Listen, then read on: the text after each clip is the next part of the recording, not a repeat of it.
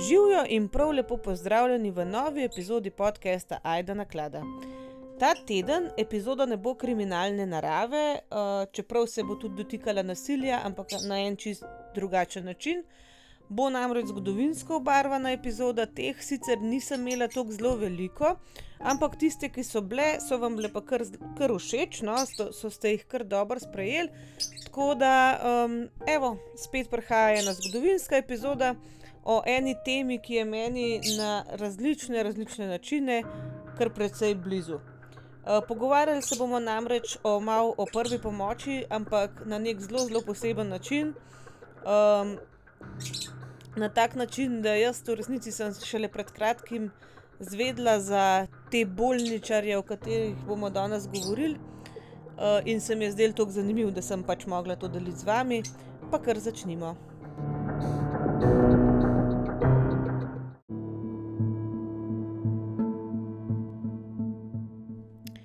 Skozi zgodovino se je že odnegdaj pojavljalo vprašanje, kako bi ljudje lahko recimo podaljšali svoje življenje ali pa rešili življenje nekoga, ki se mu zgodi neka poškodba, nezgoda, napad kakšne živali, drugega človeka in tako naprej. Kar se tiče bolezni, se mi zdi, da so bile na stranskem teru, kajti človeštvo jih zelo, zelo dolg časa ni povsem razumelo, ker niso imeli pogleda v človeško telo, kako le to deluje.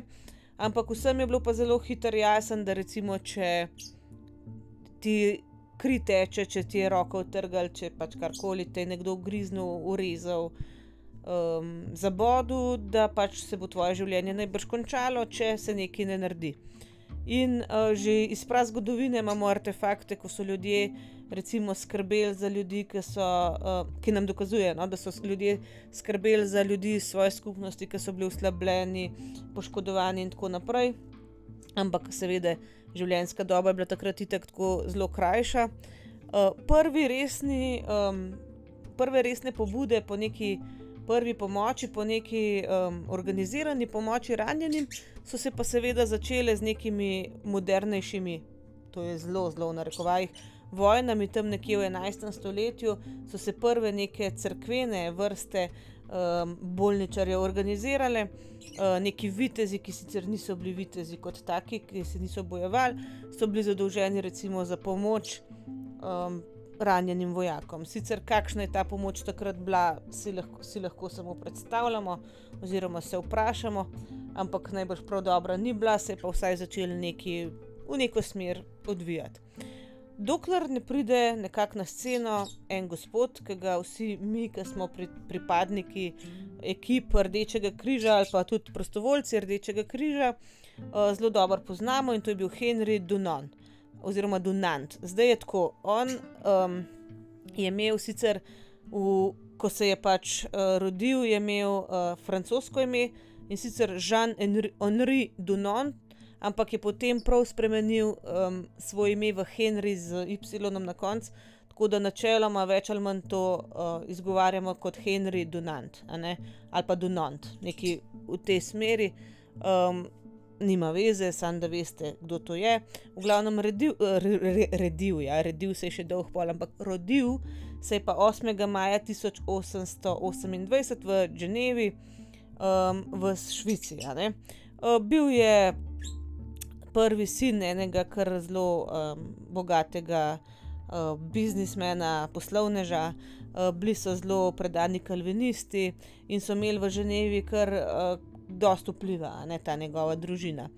Zdaj, um, njegovi starši so kljub, kljub temu, da so bili vplivni, da so imeli denar, uh, veliko poudarka dajali na neke um, pač, uh, skrb za, neke, za, za socialo. No? Se pravi, da je treba poskrbeti za vse ljudi, da ne moreš pač uh, uh, kar pozabiti na vse druge, če te dobro gre. No? Uh, in recimo uh, njegov oče je zelo velik del z um, temi sirotami, pa z ljudmi, ki so bili na izpustu iz uh, zapora, se pravi, ki so pač bili, ki so prišli iz zapora, pa, pa niso pač nekako našli svojega prostora v družbi ponovno. Uh, njegova mama od Henrija je pa delala z bolnimi in zelo revnimi ljudmi. Tako da imel je neko to osnovo, nekih, um, nek socialni čut, položen že v zipko. Uh, on je zelo um, v, v tem času, ki je on odraščal, je bil zelo pod vplivom enega prebojenja religioznega, ki se mu je takrat rekel Reveil, uh, oziroma to je bolj tako kot eno, kaj bi rekel, revila, neko kar eno razkritje, ne da so ljudje začeli razmišljati o religiji, da niso več tako slepo verjeli. Ne? In v bistvu uh, pri 18 letih uh, se je uh, pridružil eni um, ženevski, ženevski um, organizaciji Society for Alms Giving, kar koli to pomeni. Jaz zdaj to ne vem, ampak to je na njega kar dosto vplivalo.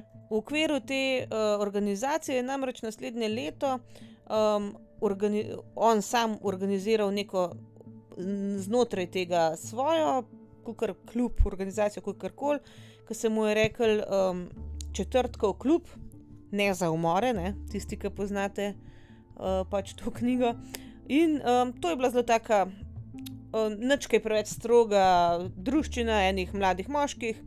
Ki so se pač uh, dobivali, da bi skupaj študirali Biblijo, pač se pogovarjali o svetem pismu, in um, poleg tega, predvsem, ne, pomagali uh, revnim ljudem.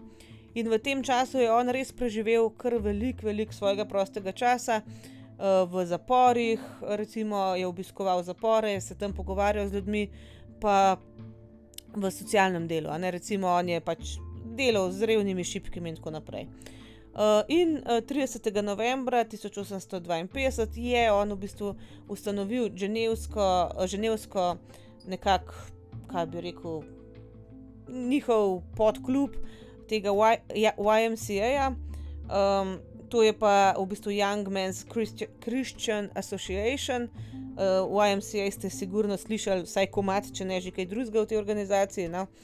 Uh, in uh, v bistvu tri leta kasneje uh, je um, šel pač tudi v Pariz na en sestanek glede uh, te mednarodne organizacije YMCA.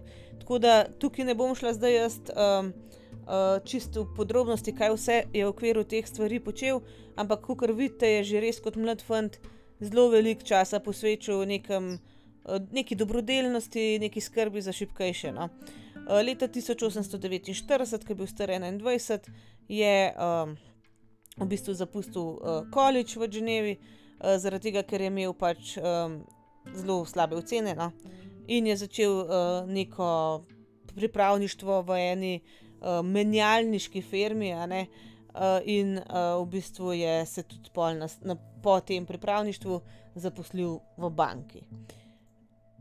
No, leta 1853 je obiskal Alžirijo, Tunizijo, pa Sicilijo, pač neke službene poti so bile to, Uh, in um, v bistvu je pol ta uh, izlet, ta službena pot njega zelo uh, naredil, zelo tak velik vtis in je napisal svojo prvo knjigo z naslovom um, An Account of the Regency in Tunis. V angleščini jaz ne bom tega prevajala, ni tudi pomembno. V glavnem, in leta 1856 je on ustanovil eno svojo firmo, en svoj biznis, ki bi pač v tujih kolonijah uh, imel pač neke svoje posle. Uh, in dejansko je tudi dobil koncesijo uh, v, Algi v Alži Alžiriji, oj, Alžiriji, uh, strani pač Francije, ker so jo pač francozi takrat um, okupirali. In um, v bistvu takrat ne, je on na letu tam v Alžiriji pač neke, na neke težave. Zakaj? No? Ker v bistvu, um, kljub temu, da je on imel, um, on je v bistvu imel neko firmo, ki je um, gojila koruzo tam no? in jo potem tudi uh, izvažala in z njo pač, uh, pač poslovala, no? kako koli, trgovala. Uh, in je imel problem, ker ne glede na to, da je on imel koncesijo, v resnici je dobil pač dovoljenje, so te lokalne oblasti se ful z njega, ne malo norca delale, ampak tako. Vsaka lokalna oblast je imela neka svoja pravila, in recimo ni dobil pravic do uporabe vode, uh, Uh, v glavnem pač te lokalne oblasti z njim niso bile kaj preveč sodelovalne. In kot rezultat tega je leta 1859 Donant se pač odločil, da bo direktno cesarju Napoleonu III., francoskemu cesarju, uh, pač šel uh, sporočiti, da ima tam težave. Um, z, mislim pač njemu nekako ta svoj ugovor podal. No, ta Napoleon III je bil pa takrat s tisto svojo uh, vojsko ravno v Lombardiji v tem času, ker se je v bistvu Francija takrat uh, vojskovala um, proti Avstriji v Avstro-Sardinski vojni. Um, oni so bili na strani Pimont, Sardinije. To je bila v bistvu uh, kraljevina Sardinija takrat. Uh, to so zdaj čist druge stvari, ki se jih danes ne bomo šli tako uh, v podrobnosti dotakniti. No? Ampak, kakorkoli, Avstrija se je pač borila proti Sardiniji, uh, v bistvu so se bojevali za, za prevzem Lombardije. In Francija se je na strani Sardinije borila. Uh, zdaj uh, od Napoleona, ta, uh, od cesarja, ne, um, nekako urad ali pa predstavništvo je bilo locirano v enem majhnem mestu po imenu Solferino. Uh, in v bistvu Donant, ki je bil dober pisatelj, uh, to mu je šlo, je um, napisal eno knjigo, polno lepih besed o cesarju Napoleonu III. in so rekli, je rekel, ok, jaz bom to zdaj njemu predstavil in um, on bo vas navdušen na to knjigo in nad mano in bo pač um, poslušal moje želje. Odpravil se je pač v Sulferino, kjer bi naj njega spoznal čisto osebno.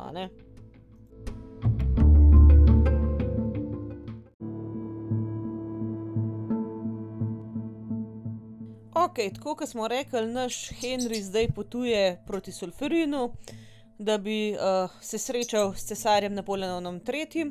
V tem času pa pač divja uh, italijanska vojna za neodvisnost, v kateri sta se v bistvu borili avstrijska in francosko-piemontska vojska ne, med sabo. In uh, v bistvu 4. Jul, junija, to govorimo leta 1859, se je v bistvu avstrijska vojska umikala proti vzhodu.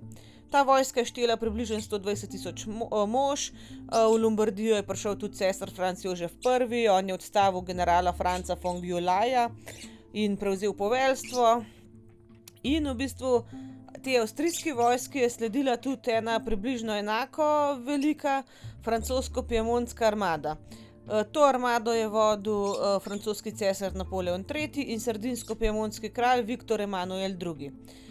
In zdaj naj, največji finta vsega tega je bila, da v bistvu glavnine obeh teh dveh vojsk nista imeli natančnih podatkov o tem, kako se nasprotniki gibajo, pač kje so nasprotniki. In 24. julija sta pri Solferinu v bistvu po nesreč naleteli ena na drugo. Uh, Francozi so v bistvu uh, pričakovali, da se bodo spopadli sami z nekakšno avstrijsko zaščitnico. Avstrijci so bili mnenja, da imajo samo francosko izvidnico pred sabo. Oni so v bistvu mislili, da so srečali tiste, ki branijo, pa tiste, ki grejo gledat, kje so. Ne? Ta druga vojska, v bistvu sta bili pa celi vojski na kupu, kar naenkrat in razvila se je v bistvu to krvava bitka. Cel dan so se dobesedno klali tam. No? Eh, bitka je trajala celo dopoledne 24. junija, tako kot smo rekli. In um, v tej uh, bitki so imele obe dve strani blazno hude izgube.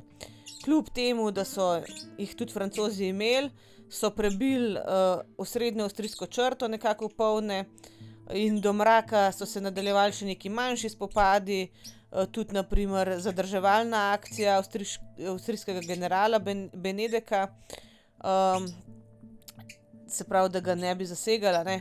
Um, in v bistvu to, v, tem, v tej akciji so um, bili tako izčrpani, francozi pa piemončani da niso mogli v bistvu niti preganjati te Avstrijce, čeprav so jih premagali.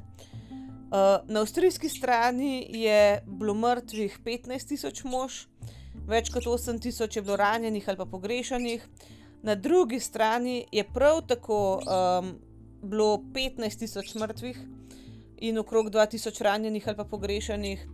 In um, te izgube so pol Napoleona III. spodbudile, da so se začeli pogajati z Avstrijci in tudi končali to vojno za italijansko neodvisnost.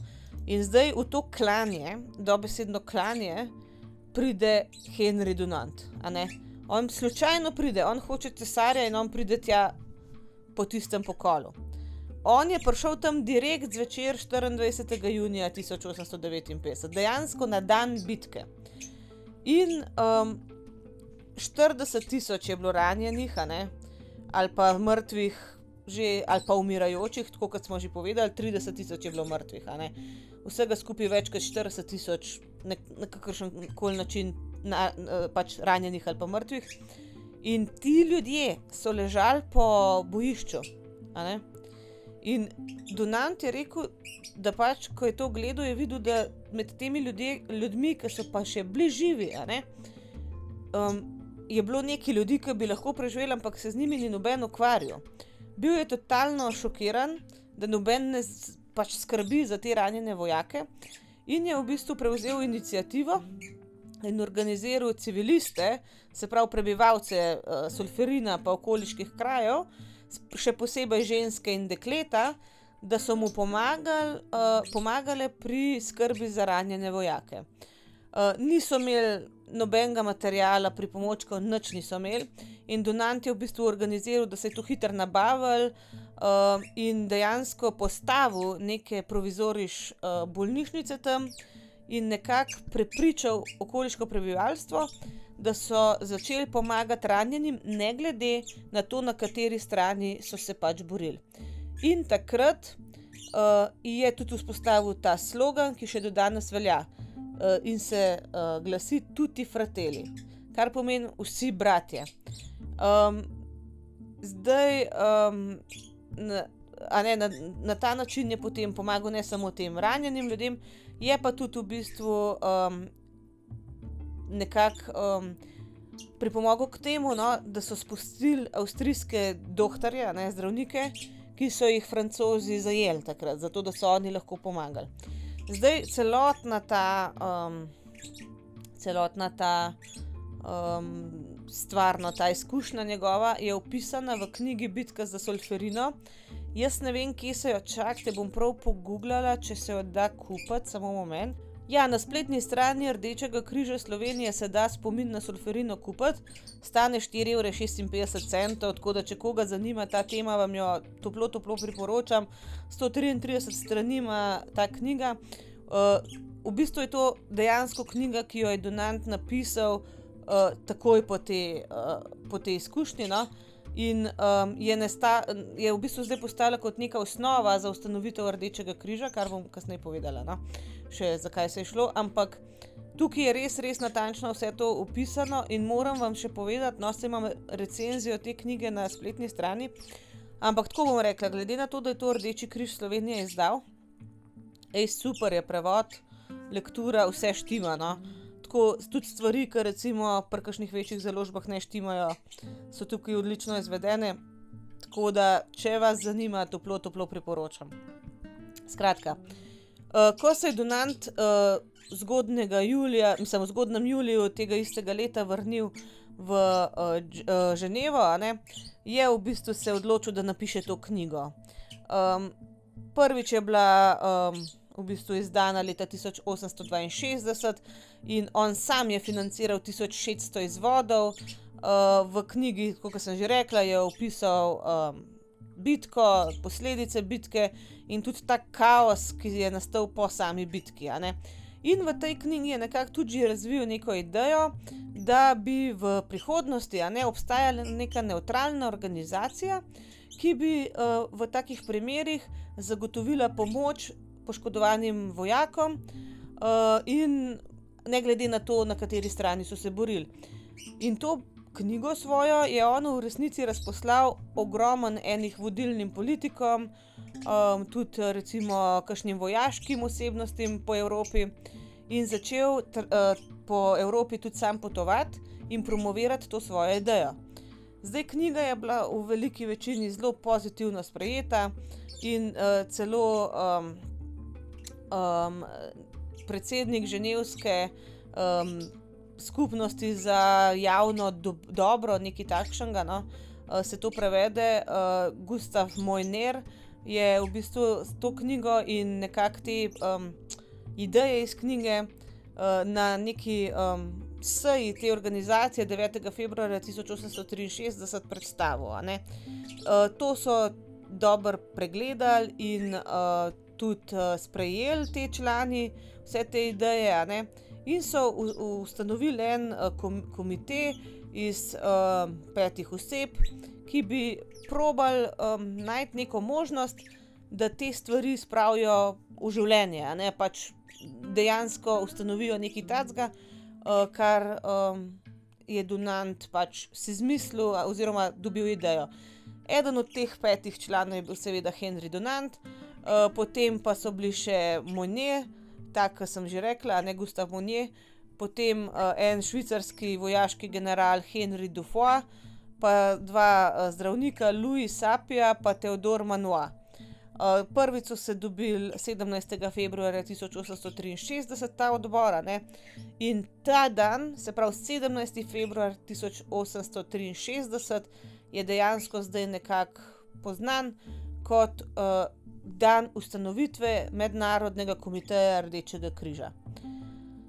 Zdaj, čist na začetku sta imela Monje in Donant kar um, nekaj nasprotovanj med sabo, glede um, teh vizij in planov Rdečega križa.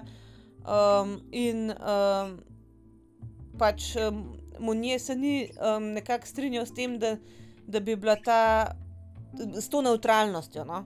Se pravi, da bi ta organizacija skrbela ne glede na pozicijo uh, tega ranjenca, pač za kogarkoli. In um, Donant je še vseeno pol okol potoval te stvari na, na okol pridigal in uh, predstavljal, tako da um, nekako je bil znan kot nekak idealist. No. Ostali so bili zelo tako, sploh mu ni bil tako, kot jaz sem realen, to noben ne bo hotel delati, kdo bo pa gledal na ljudi, sam kot na ljudi. In tako bojo vsi videli, recimo, ja, to je nasprotnik, tam je ubil nekega svojca.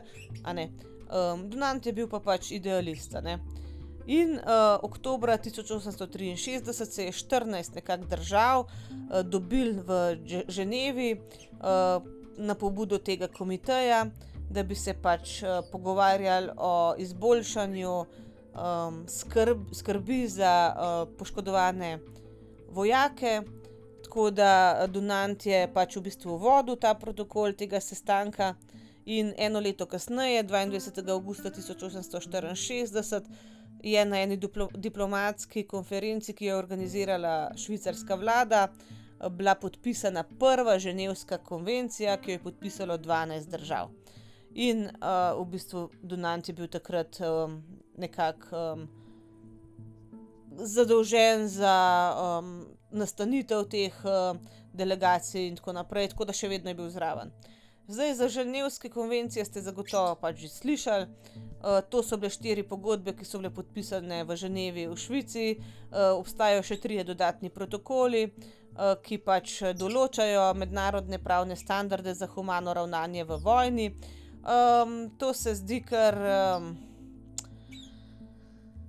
idealistično, da jim rečem, ampak um, v resnici, no, kadar slišite pač, um, izraz Ženevska konvencija, je bolj mišljeno no, uh, na te sporazume, ki so bile let, leta 1949, se pravi po drugi svetovni vojni, sprejeti, kjer so pač posodobili te pogoje, obeh pogodb iz preja dodali še dve nove in tako naprej. No. Ampak da vam jaz mačkam povem, um, zakaj se je v resnici šlo. No. Prva Ženevska konvencija, ta, ki je bila sprejeta um, 22. augusta 1864, 1864, kot smo rekli, je v bistvu bila poimenovana Konvencija o izboljšanju usode ranjenih in bolnih pripadnikov oboroženih sil na bojišču in ta naj bi zaščitila ranjene in bolne vojake ter osebje, ki skrbi za nje, zgradbe, v kateri so nameščeni in opremo, ki se uporablja za njihove potrebe. In tukaj se je tudi uredila uporaba znakov Rdeči križ, pa Rdeči pol meseca. Ne? Se pravi, nekdo, ki je um, s to oznako označen, pač je namenjen pomoči ranjencem. Uh, zdaj ta rdeči polmesec, marsikdo tega ne pozna. Rdeči polmesec je v bistvu popolnoma enak znak kot rdeči križ, samo da se mogoče uporablja v bolj muslimanskih državah. Obstaja pa še tudi en tak uh, romb, no ne romb, um, en tak diamantne oblike, še en znak, čist neutralen, da kao ni nič tako versko-kulturno pogojen. Uh, vsi ti trije znaki so, uh, se uporabljajo enako kot, kot rdeči križ. No? Tako da, če boste kdaj slišali rdeči pol mesec, to je v resnici enako kot Rdeči križ, mislim, da je pa celo zdaj ime um, celotne organizacije, uh, mednarodni komitej Rdečega križa in Rdečega pol meseca, nekaj tajnega. No. Oba, v glavnem, uh, se uporabljata. Potem druga Ženevska konvencija je bila imenovana Konvencija o izboljšanju položaja ranjencev, bolnikov in brodolomcev v oboroženih silah na morju. Tukaj se v bistvu ta zaščita razširja tudi na mornarje uh, in uh, nekako ureja možnosti, kako se jim ponudi pomoč. Tretja Ženevska konvencija uh, je imenovana Konvencija o ravnanju z vojnimi ujetniki, uh, ščiti v bistvu ujete pripadnike oboroženih sil, uh, pravila o ravnanju z njimi vsebuje, določa pravice in obveznosti teh oboroženih sil, pod katerimi pač so. In četrta Ženevska konvencija je Konvencija o zaščiti civilnih oseb med vojno, v bistvu določa pravila o zaščiti civilnega prebivalstva na okupiranem ozemlju, predvsem ne, in osebami, ki jim je uh, bila oduzeta prostost, ter okupaciji nasplošno. Zdaj, ti uh, protokoli so bili pa kasneje podpisani še 12. januarja 1977, um, prva dva in tretji 12. augusta 2005. Um, v glavnem, več ali manj, zakaj se tukaj gre. No? čuden je slišati humana vojna, ne kaj pomeni humana vojna, vojna z nekimi pravili, ampak dejansko tudi vojna ima pravila. In recimo eno od teh, ki so se v okviru teh ženevskih konvencij pač sprejela, je, da na bolnišnice oziroma na kraje, ki so označeni z rdečim križem ali pol mesecem, se načeloma, mislim, se, na, se ne bi smelo streljati, se ne bi smelo bombardirati na ljudi, ki imajo to oznako, se ne sme streljati. Ne. Recimo ljudje, ki pridejo na bojišče uh, z namenom prve pomoči ranjencem, uh, naj bi bili nedotokljivi. Ne. To ne pomeni, da potem se ne naredi kaj, ne, ker pač ko je boj, je boj.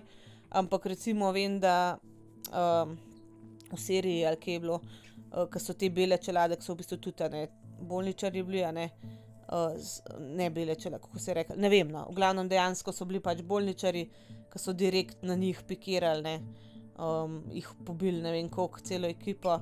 Uh, to je v nasprotju z ženevsko, ženevsko konvencijo, ker pač to je treba pustiti, da se poskrbi za ranjence. Ne. S tem, da potem se pa tudi ti bolničari obvežejo, da dejansko pač ne gledajo na to, kdo je ranjen. Tisti, ki je ranjen, tisti mu se pomaga. Zdaj, a je naš, a je vaš, nikogar ne zanima.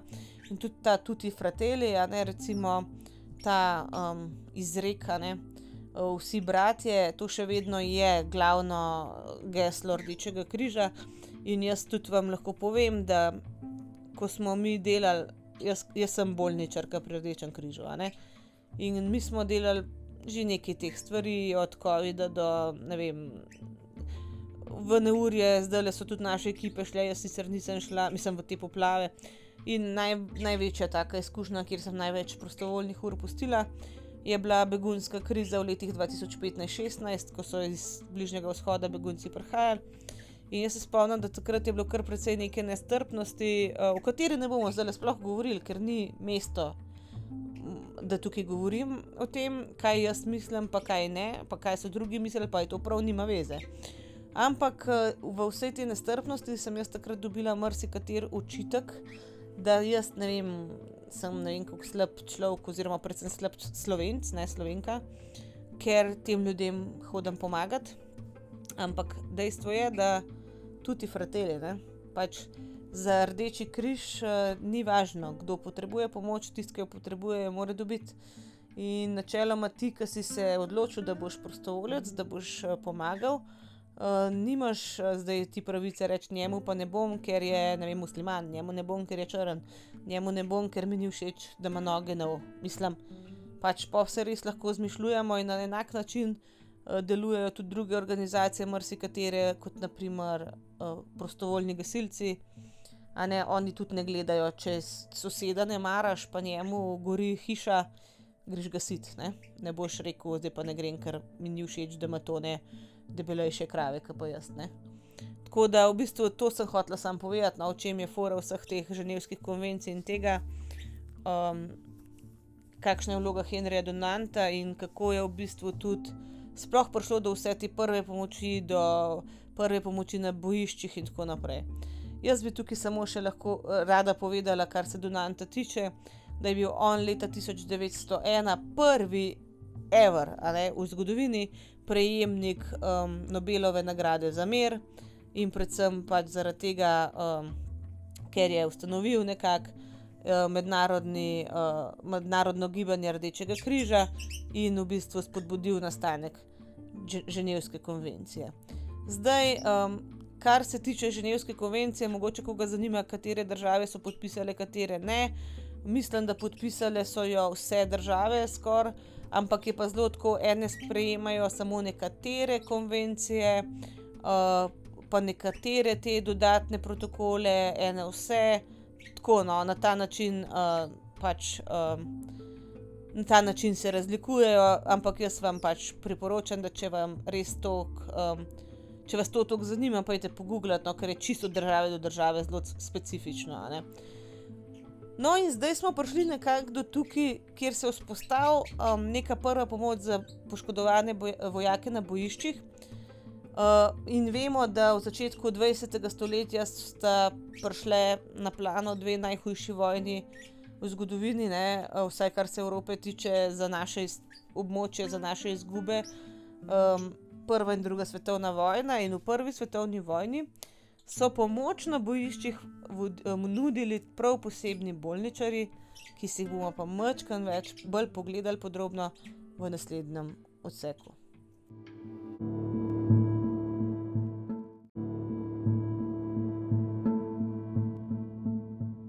No, vi, če si predstavljate, da ste vojak, da ste poškodovani in ležite na bojišču in čakate, vem, da vas nekdo pride rešiti ali pa na smrt. A si predstavljate, da se v vas podrgne nekaj toplega, mehkega, vas smrčkom rukne in rečete, ok, zdaj pa prihaja neka pomoč. To je dejansko scenarij, ki se je v prvi svetovni vojni zelo, zelo pogosto dogajal. Kaj ti nemška je, vojska je v bistvu v prvi svetovni vojni začela uporabljati tako imenovane Mercy Dogs oziroma um, pse reševalce, ki so jim pomagali locirati poškodovane ali umirajoče vojake. Velikrat so te psi dejansko bili natrenirani, da so uh, pomagali najti med trupli vojake, ki so bili še živi. Tako da to so bili res, res izjemni pomočniki teh bolničarjev na teh velikih, velikih bojiščih. Uh, ti psi so v resnici po bitki bili spuščeni na bojišče in so prečesavali bojišče v iskanju pač um, vojakov, ki so po potrebovali pomoč. Večina teh psov je imela na svojem hrbtu um, pripomočke za prvo pomoč, se pravi, razni sanitetni material. Um, nekateri so dejansko nosili tudi sami gas maske, tam kjer se je uporabljal ta bojni plin. In ko so pač našli poškodovanega človeka, um, so um, vzeli v svoj gobček en kos uniforme in s tem kosom uniforme tekli v kamp nazaj, uh, kjer so v bistvu poiskali človeškega bolničarja in ga odpeljali do tega ranjenca.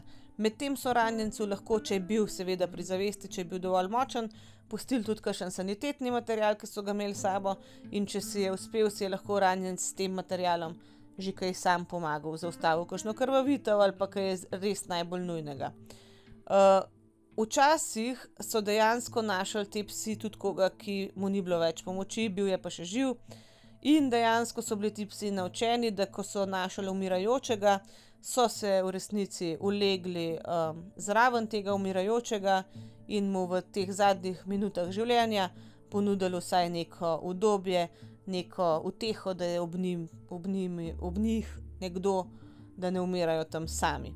Um, tem, tem psom, kot sem že rekla, se je rekel psi, reševalci, ki so živeli in umirali ob človeških vojakih skozi vso prvo svetovno vojno. Zdaj, da so ljudje uporabljali vse za različne, različne namene, ni nobena skrivnost. Na stotine let skozi zgodovino se je to že pač dogajalo. razne freske oziroma poslikave že iz Egipta uh, so pokazale, da se psi pač z njimi, z ljudmi, ne borijo v bitkah. Potem recimo antični Grki so opisovali v svojih zapisih um, pse, ki so se pač v oklepih uh, zaščiteni borili z njimi. Ampak uh, te prve neke ideje o psih bojevnikih, oziroma bolj psih vojnih um, bolničarjih, se je začela porajati leta 1890.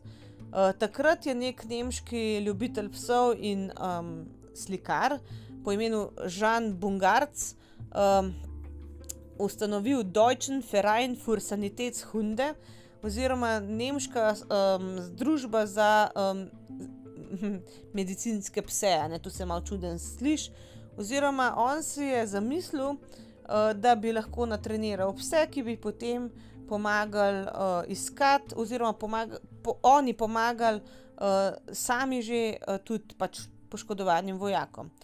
Ide uh, ideja teh sanitetshunde oziroma um, psov reševalcev je v bistvu preskočila na britansko otočje pet let kasneje in tam je major Edwin Richardson uh, nekako um, um, tega človeka srečal, uh, mu prodal angliške pse, ne, da bi jih potem uh, prepeljal v Nemčijo. Uh, on jih je že ne, tudi uh, treniral, te pse, in tudi lahko vidite fotografijo tega uh, Edwina Richardsona, uh, s celim kupom psov, s temi rdečimi križi na telovnikih, uh, ki jih je on natreniral za pač svoje de njihovo delo v pr prvi svetovni vojni.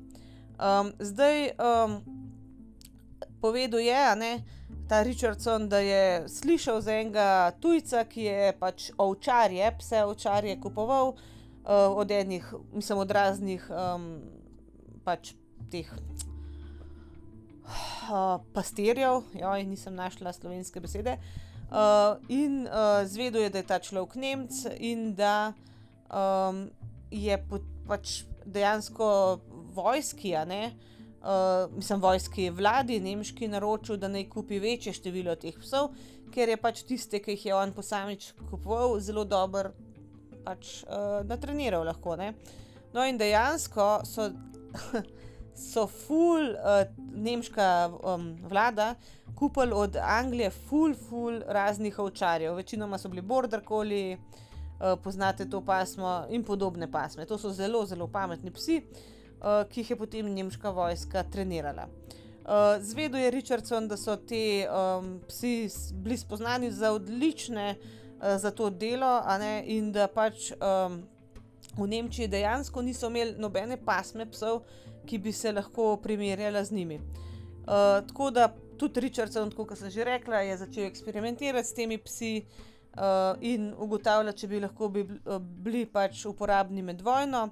In na Bajri Baden um, vojaškem uh, kampu je on dejansko jim uh, pač se začel z njimi ukvarjati, jim dajati te, uh, kar neka sedla oziroma um, niso sedla, ampak tako, da uh, dajo recimo v obliki sedla uh, torbe, recimo konjem. Ne? No, takšne torbe je naredil za te pse, uh, in uh, v teh torbah so imeli ti psi njegovi ali sanitetni material, včasih pa tudi kakšen alkohol, a ne kakšno alkoholno pijačo, uh, da bi jo nesel poškodovanim vojščakom. Zdaj se, uh, mislim pač vojakom. Če se sprašujete, zakaj bi ti nekomu, ki je v tem poškodovan ali pa umira, ne su viski ali pa šnopc, si pač zamisel, da umiraš tam, no, ali da bi enega ruknil najbrž ali kako koli. No. Sej nima veze, ampak tudi to so doda dodajali noter za najhujše primere. Uh, Richardson je ugotovil, uh, da so terjerji pa border koli bili res zelo dobri. Airedales, neka um, pasma, so bili pa idealni. No? Uh, In uh, leta 1914 je Richardson skupaj s svojo ženo uh, odprl šolo za britanske vojne pse in začel z delom. Um, zdaj, um, on v tej šoli je dejansko poskrbel za okolico, ki je ustrezala povsem nekemu vzdušju bojišča, uh, streljanje je bilo slišati, razni uh, vojaška, razna vozila so se jim vozila, pač res je bilo, skozi so bili zvoki pištol, streljanja, um, vozil, ropotanje, zato da so se ti psi navadili, da v bistvu to čisto ignorirajo, ne da je to njim nekaj čist normalnega. In uh, ne samo, da so se psi navadili na to, naučili so se dejansko iskati ljudi. Um, Richardson je v bistvu takrat začel zaposlovati uh, brezposelne ljudi iz okolice in jim je naročil, da se pač uležejo nekje v gost, um, uh, potem uh, da se učijo, ne vem, mislim, da se pretvarjajo ti ljudje, da so mrtvi, da pol nosijo gas maske, um, v glavnem, kukorkoli. Um, to so se pač naučili, mislim, to so se pretvarjali ti ljudje, potem so se pa ti psi enako pač naučili, da uh, če je nekdo mrtev, grejo mimo, da tudi oni sami nosijo gas maske, ampak ti psi so se dejansko naučili ignorirati nemške uniforme. Se pravi, da bi ti psi iskali samo poškodovane um, svoje vojake, kar ni čisto ti frateli, ampak ok, vse psi niso načeloma ne podpisali Ženevske konvencije, ampak dobro.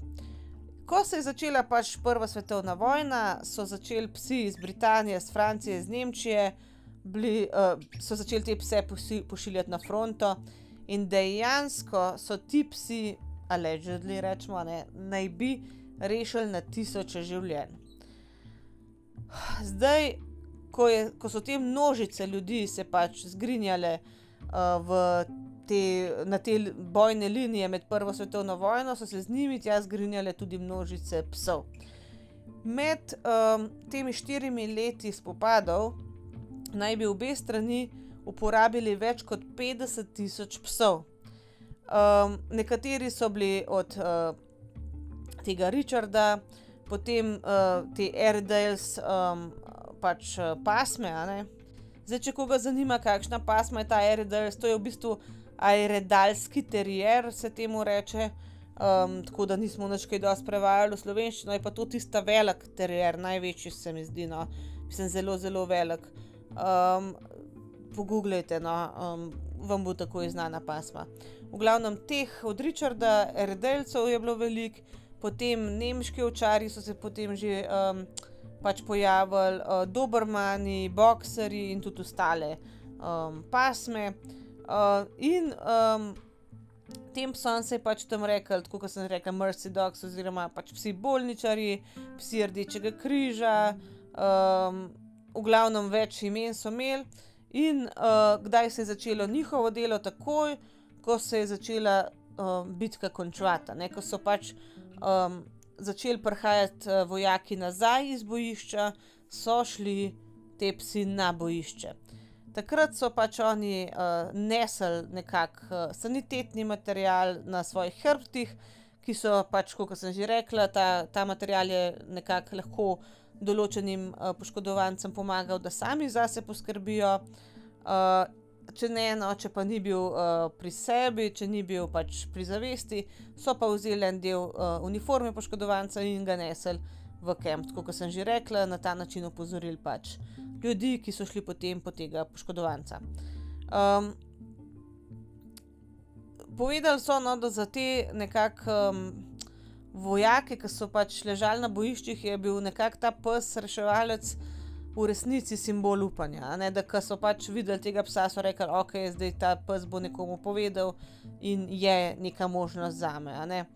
Um, tudi, kadar je pač pes prišel, so tudi vedeli, da nasplošno neka oskrba ni del stran, ker to ni bilo tako, da bi ti psa poslal par kilometrov stran, da ti rabiš pa ure do tja. Tudi to so bile neke zelo majhne razdalje, ampak ne mogoče je bilo to ljudem prečesavati, pa tudi niso zaznali, tako kot sem že prej rekla, včasih.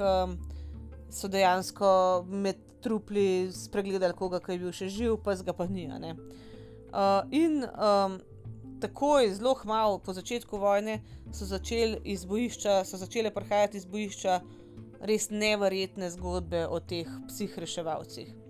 Um, no, ena zgodba iz leta 1915 pripoveduje to stvar, ki se je zgodila z enim od sanitetshunde, uh, teh um, psov bolničarjev. Uh, in ta človek je povedal, no, da je bila čista tema, uh, noč je bila, full gosta megla je bila. Uh, in uh, da na, na nekak ukaz poiščite poškodovane, oziroma ulov na poškodovane, so psi v bistvu stekli naprej, direkt med, med uh, drevesa v, v gost. In da ti bolničari, ljudje, ne, so jim pač tako hitri, kot so lahko sledili. In ni bilo dolgo, kar so začeli psi, mislim, kar so slišali neko lajanje. Uh, psi so prišli nazaj, uh, dejansko iskati te ljudi uh, in jih um, pač uh, pelali um, nekam sred gozda, kjer so našli enega reveža, poškodovanega, ki je tam jamru, se zvijal v bolečinah in dejansko bil čist z očmi fiksiran na tega psa, ki je ostal z njima. Ne. Dejansko so ti psi takšno uteho dajali tem poškodovancem. Tako naj bi bilo celo noč, uh, in dejansko so s pomočjo teh psov čist in čist prečesali to bojišče, našli 14 poškodovancev v temnem gozdu, v megli, 14 poškodovancev, ker če jih oni takrat po noči ne bi našli, bi pač tako umrli do zjutraj. Uh, in dejansko so rekli, da so videli, kaj bi lahko v tistem gozdu ostalo, kdo vse jih je popadla ena taka groza. No? Ker so videli, da v resnici, koliko so ti psi pomagali. Ne? In dejansko, um, kot sem že rekla, so ti psi velikokrat opozorili tudi na une, ki so ti še čist za las bili še živi, ki bi jih v bistvu človek s svojimi čutili proglasil za mrtve. Povedali so tudi, no, da so jih psi včasih pripeljali do trupel, da so mislili, pa kaj me zdaj do tega trupla voziš, pač ta človek je mrtev. Ampak ok, zmeri, ko so do nekoga pripeljali jih psi, so te um, ljudje, te bolničari tega človeka naložili in nesli ke v ta šotor za prvo pomoč. In čez meri so rekli, je pač ta zdravnik ugotovil, da je oseba še živa. Čez meri. Uh, in pravijo, da ne razumejo, oni neki slišijo, vidijo več ali pa je sam instinkt, ampak dejansko, da so imeli večje sposobnosti ali pa drugačne, no, kot so jih imeli ljudje. No. Um, tako kot sem že rekla, velikokrat so ti psi tudi dejansko to lažali, umirajoče, um, ležali tok časa zraven um, poškodovanca, da je umrl v družbi vsaj psa, a ne da ni umrl sam. Zdaj, nekateri od teh um, psov so postali celo um, slavni. Dejansko uh, je en od psov, Stabi, američan, eden redkih od američanov, bil povzdignjen v položaj narednika, narednik Stabi, uh, ki um, je se naučil opozoriti vojake, kadar je prihajal vojni plin, um, in med drugim je on tudi iskal. Um, poškodovance. Se pravi, um, on je dejansko jih opozarjal na ta smrtonosen plin, plus tega pa še iskal poškodovance, tako da je narednik stabi. Um, potem bil je tudi en zelo slaven mladič nemškega očarja, ki so ga pač še nekako trenirali za tega psa bolničarja, in uh, ta psiček je bil skoraj ubit v eni eksploziji tako da pač ni potem um, dokončal treninga, ni delal dejansko kot bolničar, kasneje je pa dejansko odrasel in postal ameriška filmska zvezda, to je bil Rin Tin Tin. Dajte pogooglati Rin Tin Tin, on je igral v ne vem koliko uh, filmih, uh, nemški očar. Uh, on je bil v bistvu Rex, njegove generacije, ki ga vsi poznamo. Uh, tako da ja. Ampak no, to sta bila dva slavna primerka, večina teh uh, psov bolničarjev pa je bila čisto anonimnih, in velik, velik teh psov je med vojno tudi umrl. Uh, do leta 1918, ko je se je pač vojna končala, um, naj bi bilo ubitih približno 7000 psov bolničarjev. Zdaj, ko se je 20. stoletje nadaljevalo, so ljudje tudi še naprej uporabljali pse med uh, vojnami, med drugo svetovno vojno, recimo, uh, so se prav tako vrnili ti psi bolničarji na bojišča, kot uh, bolničarji, tudi kot uh, vojaki, kot um, kurirji, kot izvidniki. Uh, recimo samo ZDA so v drugi svetovni vojni zaposlovali uh, v, pač ZDA, v vojski ZDA 20 tisoč psov, uh, bili so pač v, v vojski, pri marincih, pa v obaljni straži zaposleni. No. Uh, Kasneje, uh, tudi po drugi svetovni vojni, so še vedno psi delali uh, v vojski, recimo v vietnamski vojni so um, iskali neke tunele, potem v Iraku, v Afganistanu uh, so še vedno delali, um, so tudi pač neki iskali neke razne snovi in tako naprej. Uh, in tudi od leta, mislim, od uh, druge svetovne vojne dalje, so bili pač um, uporabljeni kot uh, nekakšni tolažniki teh vojakov, ne v tolažbo kot ena uteha. Um, in sicer Rdeči križ je začel uporabljati terapevtske pse uh, za, svo, za vojake uh, po um, neki uh, bitki leta 1940, uh, v današnjem času, no, pa v bistvu psi. Eh, pomagajo vojakom uh, premagovati posttraumatsko stresno motnjo, tako da še vedno v bistvu v vojski so zaposleni psi. Um, na ta način nekako uh, ta zapuščina teh uh, uh, psov bolničarjev iz Prve svetovne vojne še vedno živi. Um, um, pač še vedno, um, čeprav ne pomagajo več vojakom na bojiščih, nudijo neko uteho, neko upanje, neko, ne vem, to lažbo tem uh, vojakom.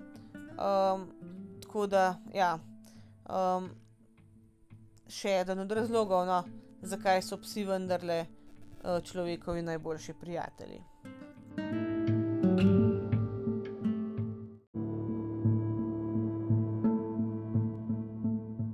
Za današnjo epizodo je to počasi to. Um, jaz moram priznati, da o teh psih bolničarjih nisem vedela absolutno ničesar. Uh, sem bila presenečena, ko sem pač to videla nekje, oziroma mislim, da je celo, ja, Matej je najdel to v enem od teh člankov, veste, ki so razne zanimivosti in tako naprej.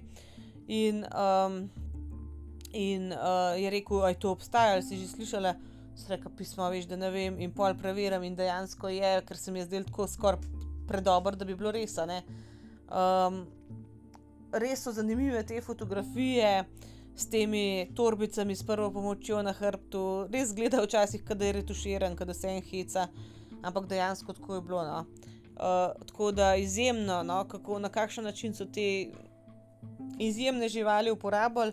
Vse to, da so bili pač um, uporabljeni na um, poiščih, se meni zdi tako čuden, sej Sej veste, da še vedno v policiji, v vojski um, se psi uporabljajo, tudi pri zaščiti in reševanju, pri iskanju, ne vem, uh, pač pri iskanju um, pogrešanih in tako naprej. Ampak da bi pa jih nudili neko prvo pomoč, res to pa pač nisem slišala. Uh, in res, res dobro. No. Mislim, da se niso nudili prve pomoči, niso oni povijali, ampak da so vsaj vedeli prenesti material, poiskati poškodovanca, sporočiti, da je nekdo poškodovan, ali pa celo ležati z umirajočim, mislim, to mi je pa res noro. No.